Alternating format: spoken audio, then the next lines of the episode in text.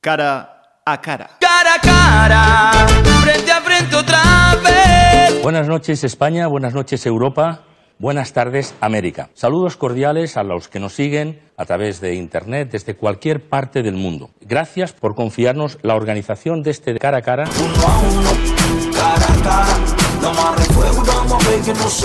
Saludos, tenemos a un campeón, un campeón además eh, jovencísimo. Y cuidado que no estamos hablando de un campeón cualquiera, estamos hablando de un campeón del mundo.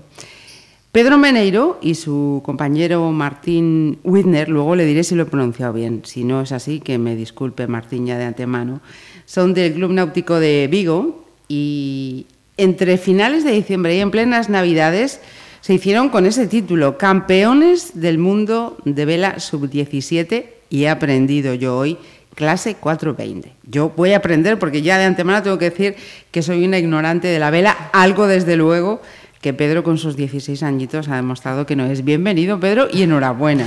Hola, ¿qué tal? Muchas gracias. Eh, Martín Widner, decía yo, no sé si lo he pronunciado bien o no. Sí, sí, está bien. Perfecto. Eh, os fuisteis a Australia, ahí en plenas Navidades, y os trajisteis ese título.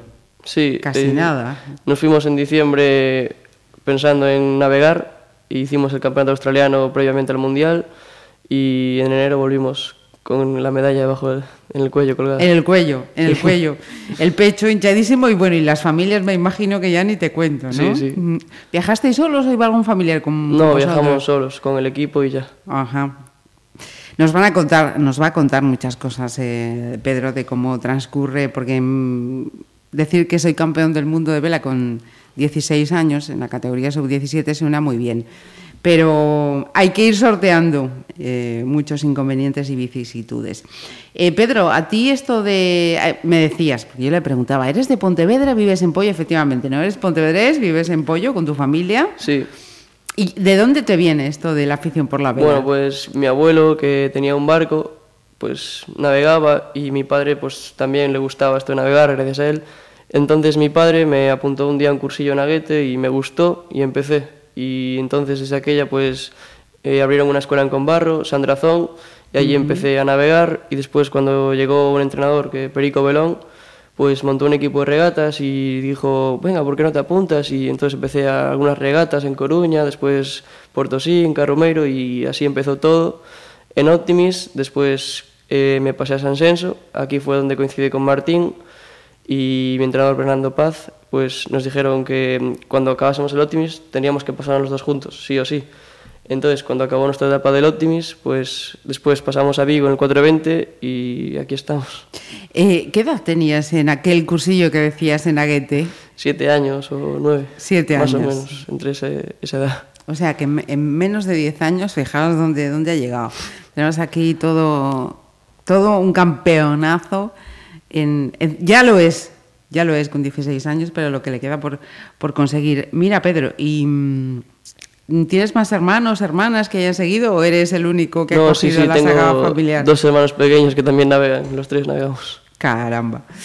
Eh, Pedro, mm, yo preguntaba eh, todo esto de la vela. Él ha dicho Optimis. eh, yo decía que esa consecu- consecución en Australia ha sido en clase 420. Cuéntanos, mm, para alguien que no sabe nada como yo, ¿qué significa esto del Optimis, clase 420? Situ- sitúanos un Pues, poquito. El Optimis sería como el barco de iniciación, como la primaria en el colegio, donde pues aprendes lo básico, que es una vela, que es un barco, sus partes, aprendes a navegar. Y después, cuando ya aprendes un poco a navegar, pues empiezas un equipo de regatas donde compites contra otros barcos y otros chavales. Y después, cuando acabas, pues te, te tienes que pasar a otra clase, porque el límite es hasta los 15 años, en el cual está el láser, el 420, el 29er, y aquí ya, según tú lo que quieras hacer, decides Ujú. y todas son clases preolímpicas porque después del 420 está el 470, después el 29 el 49er, el láser está el láser estándar para los chicos y tú según qué quieras hacer con tu vida pues enfocas más hacia la vela según qué barco. Ajá. Y, y en esta clase puedes estar hasta, hasta qué edad? Es cuestión de... Hasta la que quieras, o sea, no tiene edad límite, Ujú. pero tiene tres categorías, que sería la sub-17, que es a la que Martín y yo acabamos de salir, sub-19, que tenemos dos años más, y absoluto. Y a partir de absoluto puedes estar hasta, hasta que te canses. Ajá. cosa que no tiene pinta que vaya a pasar con vosotros. No, no. Eh, mira, eh, estás estudiando, ¿no? Sí, sí. Eh, ¿Qué curso estás haciendo? Primero bachillerato. Primero de bachillerato. ¿Qué tal se lleva eso de pasar al bachillerato? Nada, no es tan duro. No es tan duro, ¿no? Te diré yo, con lo que se tienen que enfrentar en, en el mar como para decir que primero de bachillerato es duro. Eh, entonces, además de estudiar eh, primero de bachillerato, eh, me decías, también estás entrenando en el Centro Galego de Tecnificación. Sí. Cu- ¿Cuánto tiempo le dedicas a esa parte? Bueno, pues a entrenar en lo que viene siendo en el agua, pues entrenamos los fi- fines de semana y miércoles y viernes en Villa García, en el CAR. Y después pues tenemos dos horas de gimnasio los lunes, miércoles y viernes. Y ya está, es, después por las tardes si queremos podemos ir o estudiar, tenemos que elegir. Eh, o sea que entre estudiar y la vela, mm, tu agenda completísima. Sí. Pocas cosas más da, da tiempo a hacer. Eh, mira, cuéntanos, porque mm, yo, yo he leído y me han dicho por ahí que mm, los padres, aunque no han estado ahí navegando, sí que han tenido que hacer un esfuerzo importante para que vosotros viajarais a Australia. Estoy entrando en el terreno económico. Cuéntanos, Pedro, ¿qué es, Sí, qué es lo que pasa ahí? Pues bueno, al principio pues la idea de ir a Australia era como un sueño de imposible, o sea, no podemos ir, es mucho dinero, la federación no iba a pagarnos nada, ya lo habían dicho de antemano, y pues al final la federación dijo, bueno, tenemos dinero, podemos pagaros el, el- los entrenadores y el transporte del barco. Entonces ya el precio pues bajaba considerablemente y nuestros padres hicieron un esfuerzo grandísimo en comprar el billete, un hotel para estar allí y darnos dinero para la manutención y la verdad que sí, que es un esfuerzo bastante grande. O sea, dos chavales de 16 años, ¿vale? Con esos entrenadores, ¿cuántos días estuvisteis allí? Estuvimos 18 días. O sea, 18 días pagados por los eh, padres. y esto no, no todo el mundo puede llegar a este sueño con, con, No. con esta situación, ¿no? Desagradablemente no, es una pena porque la verdad ha sido una experiencia inolvidable y que espero que alguien o cualquier persona pueda vivirla porque irte hasta Australia allí, estar allí en pleno verano, el calor, el sol, la gente allí que es súper maja, súper atenta, se nota mucho. Porque me decías una frase que yo aquí he anotado. La vela no, no, no es un deporte caro, lo que es caro es competir. Sí, así es. O sea, una persona que quiere navegar como un pasatiempo, que dice, bueno, hoy voy a seguir a la ría que hace un día estupendo, pues coge, alquila un barco y ya está. O se saca un cursillo de siete días, el PER. Pero después, claro, si quieres vivir de esto, llegar a las Olimpiadas, tienes que gastarte mucho tiempo y dinero en mejorar y seguir para arriba. Ujú. O sea que cuando uno quiere ser eh, profesional, apuntar su, su futuro por ahí, resulta que vienen las complicaciones económicas. Igual esto a un futbolista no le pasa. Mm, Pues sí, o sea, supongo que un futbolista no tiene más apoyo económico que cualquier regatista, pero desgraciadamente así es, que tener que gastarte dinero en barcos, en velas, prácticamente cada año y todos los billetes de avión y esas cosas, hoteles que tienes que pagarte, pues sí, es, es bastante caro. Eh, ¿Esto es eh, general en otros países de Europa o, o pasa en España? Y... Pues no, generalmente otros países apoyan bastante, sobre todo Nueva Zelanda, Francia, pues allí la vela es como un deporte prioritario, o sea, está como aquí el fútbol y pues se nota bastante los equipos que van más, más, más barcos, van a hoteles no mejores o peores, sino que Están más... en unas condiciones más Sí, respaldadas. Exacto, que- y no sé, tienen me- mejores materiales que le da la federación y pues eso se nota, pero no nos vamos a quejar, es lo que tenemos y van por encima. Hombre, pero hay que decir, oye, acordarse de, de- de nosotros, ¿no? Y más en un país privilegiado como este, con tanta costa, donde precisamente pues tendríamos esa infraestructura, ¿no? Favorable para, Sí, la verdad que para sí. tener grandes, eh, grandes campeones, más grandes campeones.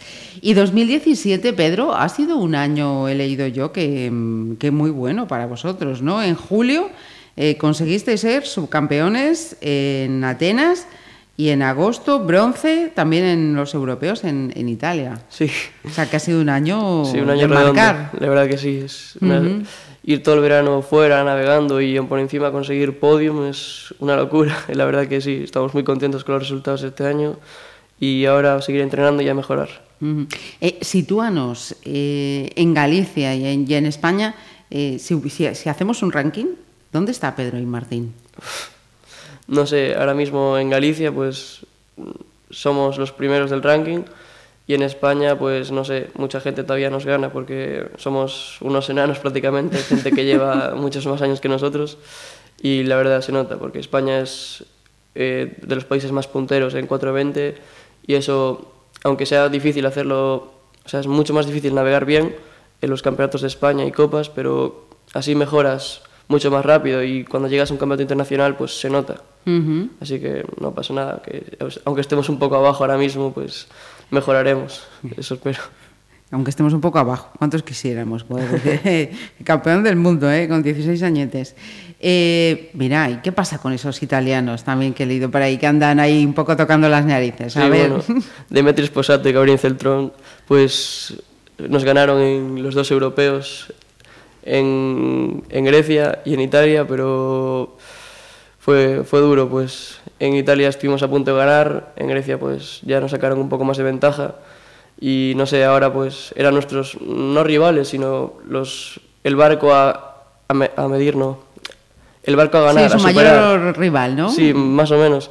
Pues haberles ganado pues es como un alivio que por fin, menos Ajá. mal. ¿Y, y eso en Australia cómo, cómo sentó?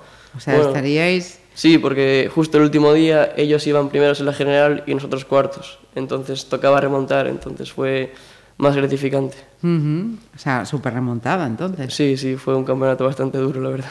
Ajá.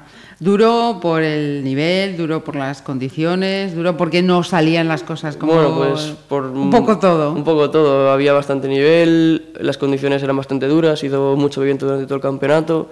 Y también, a pesar de haber navegado muy bien, pues tuvimos fallos los primeros días que arrastramos bastantes puntos, entonces tuvimos que navegar con más cuidado y pues sin arriesgar tanto, entonces no podíamos como pensar ya en la victoria desde el segundo día o así, teníamos que ir poco a poco sumando puntos y así, y al final lo conseguimos. Y, y cuando se consigue, te puedo preguntar co- cómo, hicisteis, cómo se transmite eso de llamar a casa a la familia, cómo, cómo Bueno, se pues, enteraron. Eh, pues mis padres la verdad que no habían dormido en toda la noche prácticamente. Pobres. A las 6 de la mañana ya despiertos para ver cómo había ido el campeonato. Y pues llamamos a casa y campeones del mundo, campeones del mundo, una locura. Ujú. y, y la llegada aquí a España, ¿cómo fue? Pues yo no me la esperaba para nada. Y llegamos al aeropuerto, un montón de amigos, de familiares, entrenadores, también la televisión. La verdad fue súper gratificante. Y después llegamos también a Vigo y nos habían hecho otra, otro recibimiento sorpresa, aún más gente, más entrenadores. Fue la verdad que muy bonito. Un bonito regalo para estas Sí, sí. navidades, ¿no? Con Sí. mucho esfuerzo que os lo currasteis, pero, pero con su recompensa. Mira, y mm, este año 2018, ¿cómo se plantea? ¿Cuáles son vuestros eh, objetivos? Bueno, pues ahora en Semana Santa tenemos el Campeonato de España en Canarias, en Las Palmas, y después tendríamos el Europeo en Sesimbra en julio y el Mundial en Newport, en Rhode Island, en agosto. Y pues ahora mismo el objetivo es el Campeonato de España y hacer lo mejor posible y clasificarse para estos internacionales. Eh, con todas las ganas, eh, cueste lo que cueste. Sí, sí, claro que sí. Mira, y en esta categoría entonces, eh, me hablabas antes de, de dos años, creo, ¿no? Que todavía os quedan o, entendí yo mal. Sí, sí, dos años hasta los 18 más o menos, el 19, Ujú. por ahí andará. Y a partir de ahí ya eh, podéis competir en olímpicos. Sí, ¿no? o sea, nos pasaríamos a una clase olímpica, pero de aquí, de ahí a las Olimpiadas aún nos queda mucho. Bueno, oye, hay que ser ambicioso, ¿no? Hay que ser sí. ambicioso. Y desde luego está claro que en las ganas no, No falta. no faltan, efectivamente. Pues Pedro, te agradecemos muchísimo que nos hayas acompañado aquí este tiempo, darte la enhorabuena, que ojalá durante este 2018 sigamos hablando de vosotros, porque será buen síntoma. Ojalá, muchas gracias. Bienvenidos a una nueva edición de Cara a Cara con la Cerecita. Esta noche tenemos cara a cara. Cara a cara, nos volvemos a ver. Y cara a cara. cara a cara. La madre fuego y vamos a ver que no se para, dispara. Caligaris Miami Store presenta. Cara a cara. Mira la cara a cara que es la tercera. Cara a cara. Pontevedra Viva Radio. Oh.